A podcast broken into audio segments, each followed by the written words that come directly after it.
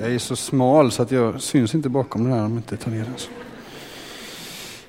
Ingen tungviktare direkt. För man känner sig lite liten när man tar sig an ett församlingsuppdrag. Eh, men jag har ju förstått att det är så att när vi är som minst, då har Gud som störst möjligheter att använda och verka. Så att jag kommer försöka att vara liten i mig själv, så får vi se vad det här tar vägen idag och i det som ligger framför. Vi ber tillsammans. Gud, jag tackar dig att du är mitt ibland oss. Tack att du har någonting till var och en här som vi kan få lyssna till, höra och förstå. Någonting som handlar om dig. Att vi kan få lära känna dig bättre, lära känna oss själva bättre den här stunden. Jag ber att det som är från dig ska lyfta, ska få vingar och göra någonting med våra liv. Allt annat ska få falla platt till marken. Låt det bli så. Amen. Jag vill läsa ifrån Markus evangelium. Några kända, välkända rader från första kapitlet. Ni känner igen dem. Och Jesus säger att tiden är inne, Guds rike är nära. Omvänd er och tro på budskapet. När han gick ut med Galileiska sjön fick han se Simon och hans bror Andreas stå vid sjön och kasta ut sina kastnät, för de var fiskare. Jesus sa till dem, kom och följ mig. Jag ska göra er till människofiskare. Och de lämnade genast sina nät och följde honom. Och lite längre fram fick han se Jakob, Sebedaios son och hans bror Johannes, som höll på att göra ordning näten i sin båt. Han kallade på dem och de lämnade sin far Sebedaios och hans folk i båten och följde efter Jesus. Jesus första uppmaning till sina lärjungar får bli min första uppmaning till oss den här söndagen. Min första uppmaning i Ryttargårdskyrkan. Det här blir liksom grundbulten, är grundbulten i Jesus undervisning genom hela Bibeln. Omvänd er, Guds rike är nära. Det är här och nu. Tro på budskapet och följ mig. Bibelns stora uppmaning kan ju på ett sätt sammanfattas i ett enda ord och det är omvändelse. Genom hela Bibeln så får vi höra om Guds längtan efter att vi människor ska komma till honom. Gud saknar människan. Vi ska komma, vill, han vill att vi kommer tillbaka till någonting som har varit, någonting som, som en gång var helt. Och hela Bibeln är full av berättelser av hur människor och folk möter Gud och väljer att leva tillsammans med honom. Och genom de här berättelserna så förstår vi att Gud vill att vi ska vara med honom, arbeta tillsammans med honom för att upprätta den här världen igen och för att våra liv ska bli upprättade och hela. För det vi ser ju varenda dag, vi fick höra från Birmingham också att, att människor är trasiga, det är lidande och elände så fort vi slår på tvn och nyheterna eller tittar på löpsedlarna. Den här världen är trasig. Det var inte så Gud hade tänkt när han skapade. Någonting har gått fel. Gud vill att vi ska komma tillbaka till honom, verka tillsammans med honom i den här världen. Det är lite grann som, som en GPS i en bil, ni vet hur de låter när man kör fel. Det börjar låta en massa konstigt och så kommer en röst som säger vänd där det är möjligt eh, och om möjligt gör en U-sväng. Och nu på de senaste uppdateringarna så säger de gör en laglig U-sväng. Man kan undra vad som, vad, hur det såg ut innan. Folk gjorde U-svängar i ren panik. Hjälp, jag är på fel väg. Och så gör man en, en U-sväng där det inte bör vara en U-sväng. Eh, så tror jag eh, Guds budskap genom Bibeln kan vara också. Som den här, den här uppmaningen, vänd om. För kör du efter egen karta så blir det trasigt, då blir det tokigt. Det blir inte som jag har tänkt, säger Gud.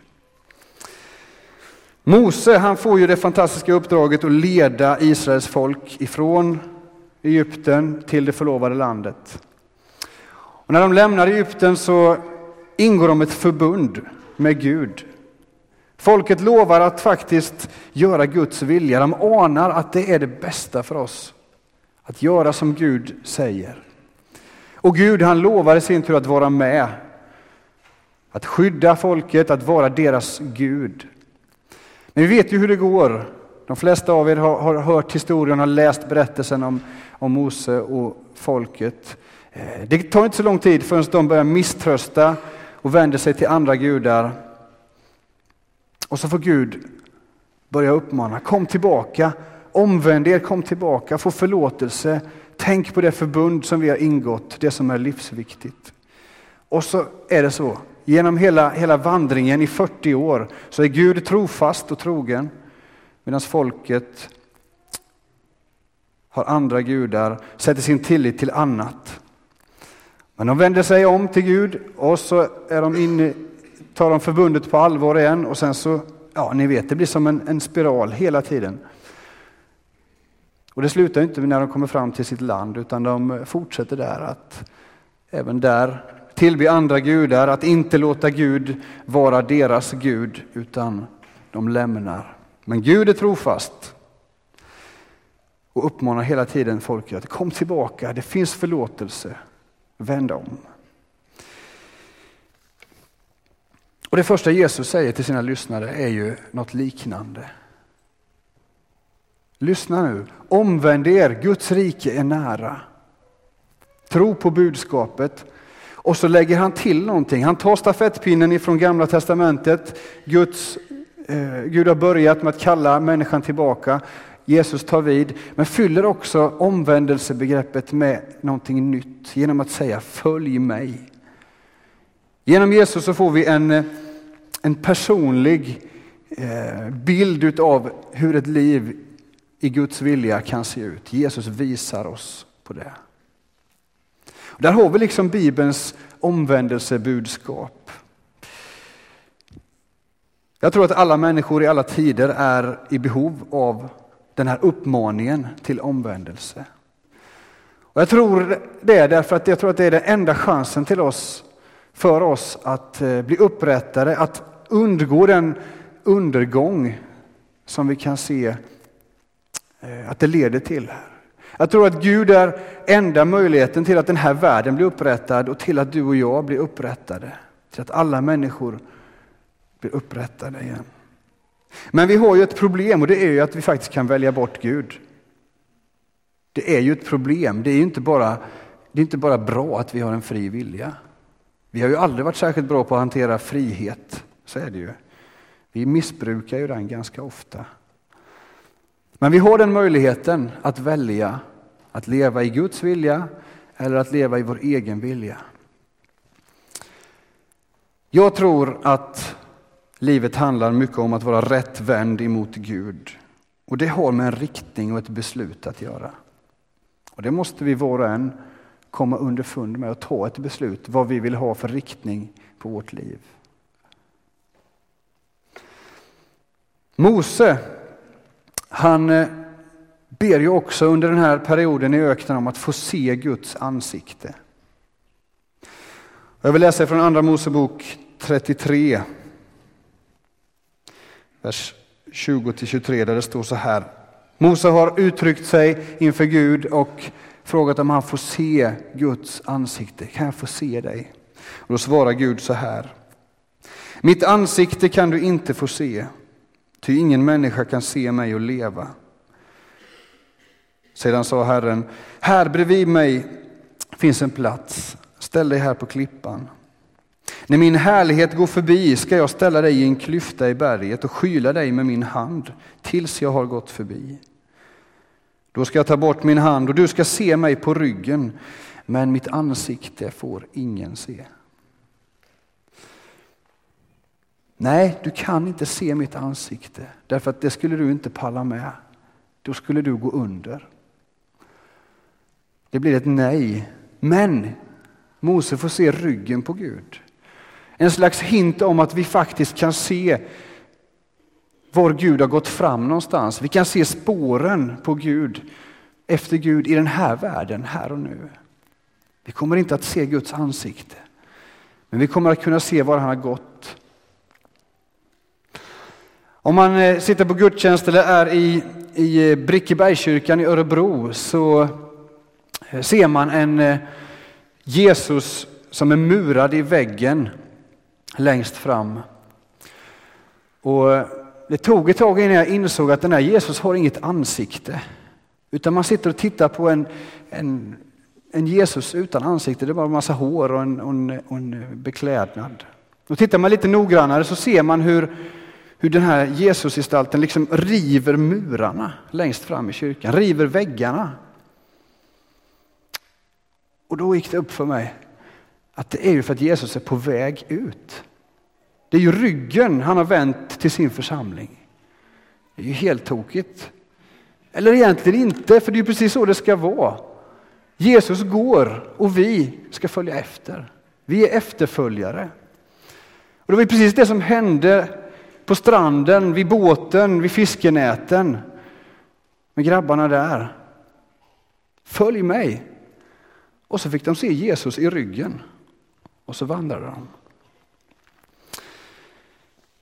Jag tror att livet levs bäst när vi vänder mot Jesus och då inte ansikte mot ansikte utan mitt ansikte i Jesus rygg.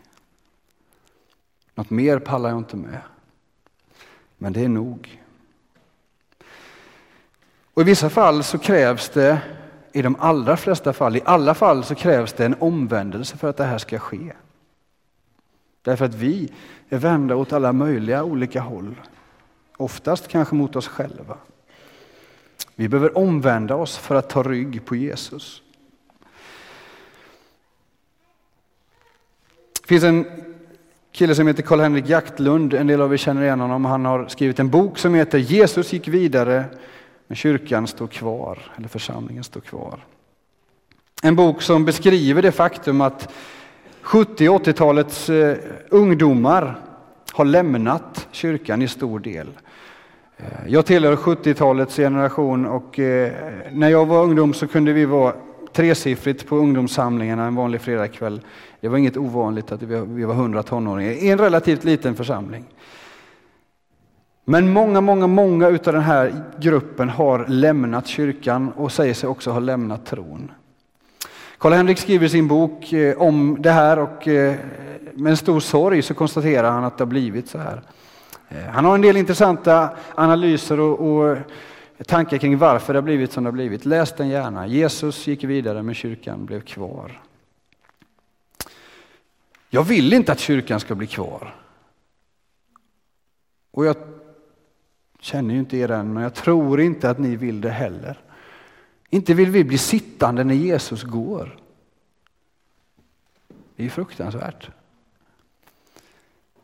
Hur kan, vi, hur kan vi undvika det? Jag vet inte riktigt, men någon slags idé har jag om att vi behöver vara fullständigt ärliga i vår relation till Jesus och till varandra. Vi behöver vara ärliga i vår efterföljelse.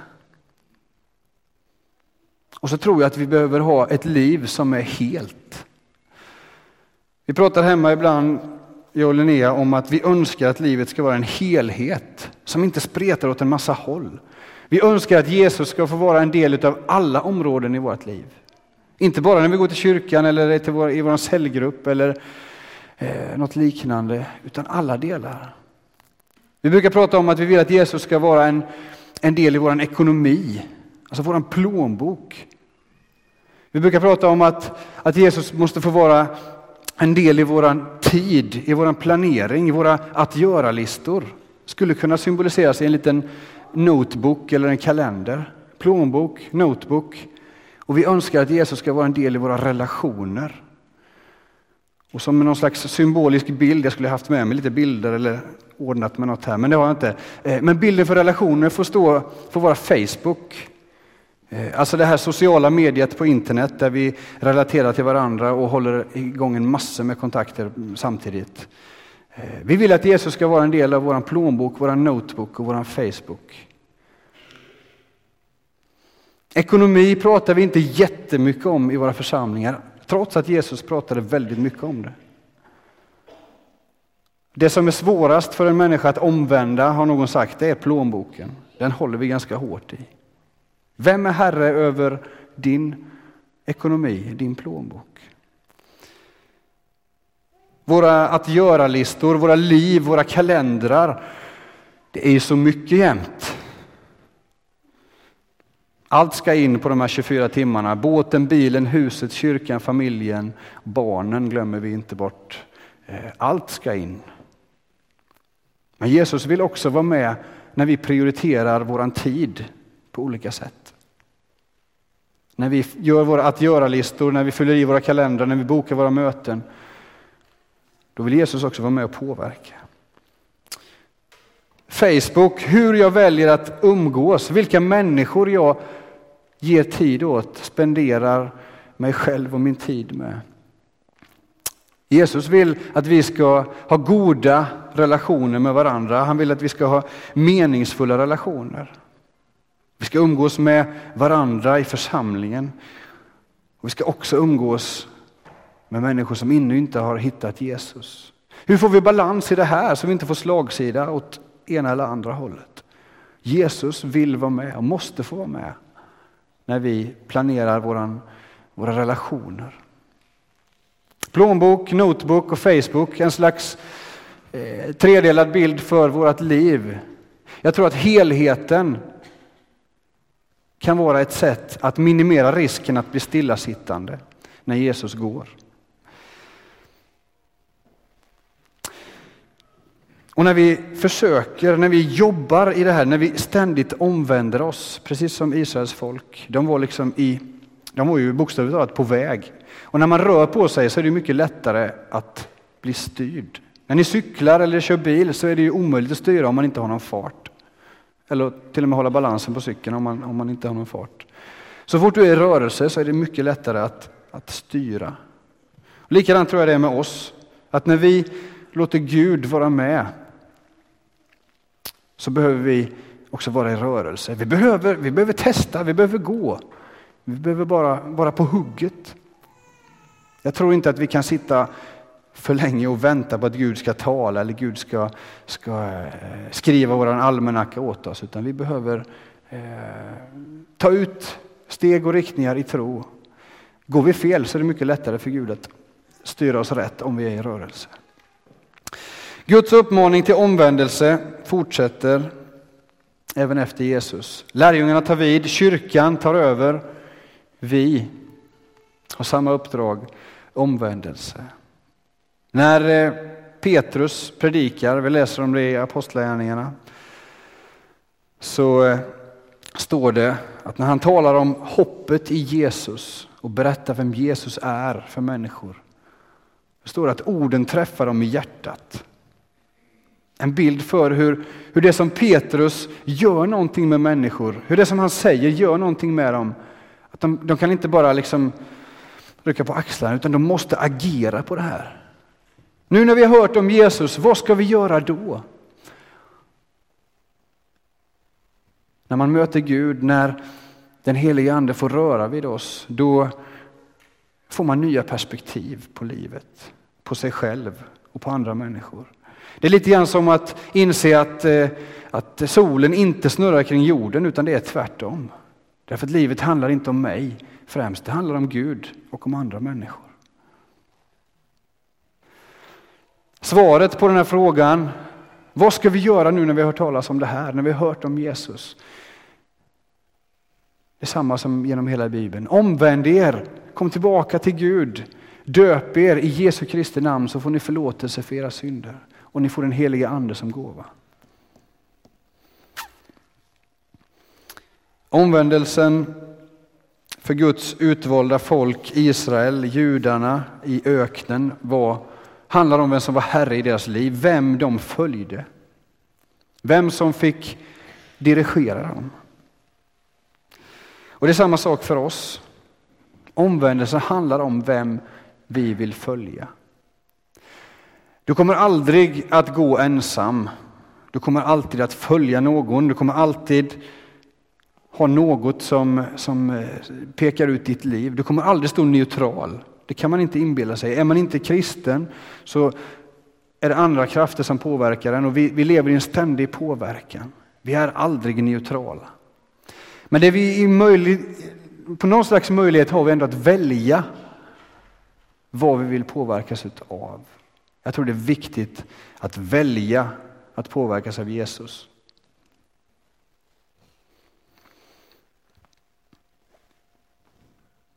Jag tror vi behöver göra det gång på gång, precis som folket i öknen behövde omvända sig gång på gång för att ta rygg på Jesus. Och tillsammans så får vi fortsätta att följa honom. Tillsammans får vi ta ut den här riktningen. För till slut så får vi också se Jesus ansikte mot ansikte. Ni vet när man är på, på vandring i marker där man inte har varit kanske. Eh, man följer en guide. Man ser bara ryggen på guiden för han går ju först. Men så till slut, när man väl är framme, då vänder ju sig guiden om och säger nu behöver vi inte gå längre, nu är vi framme.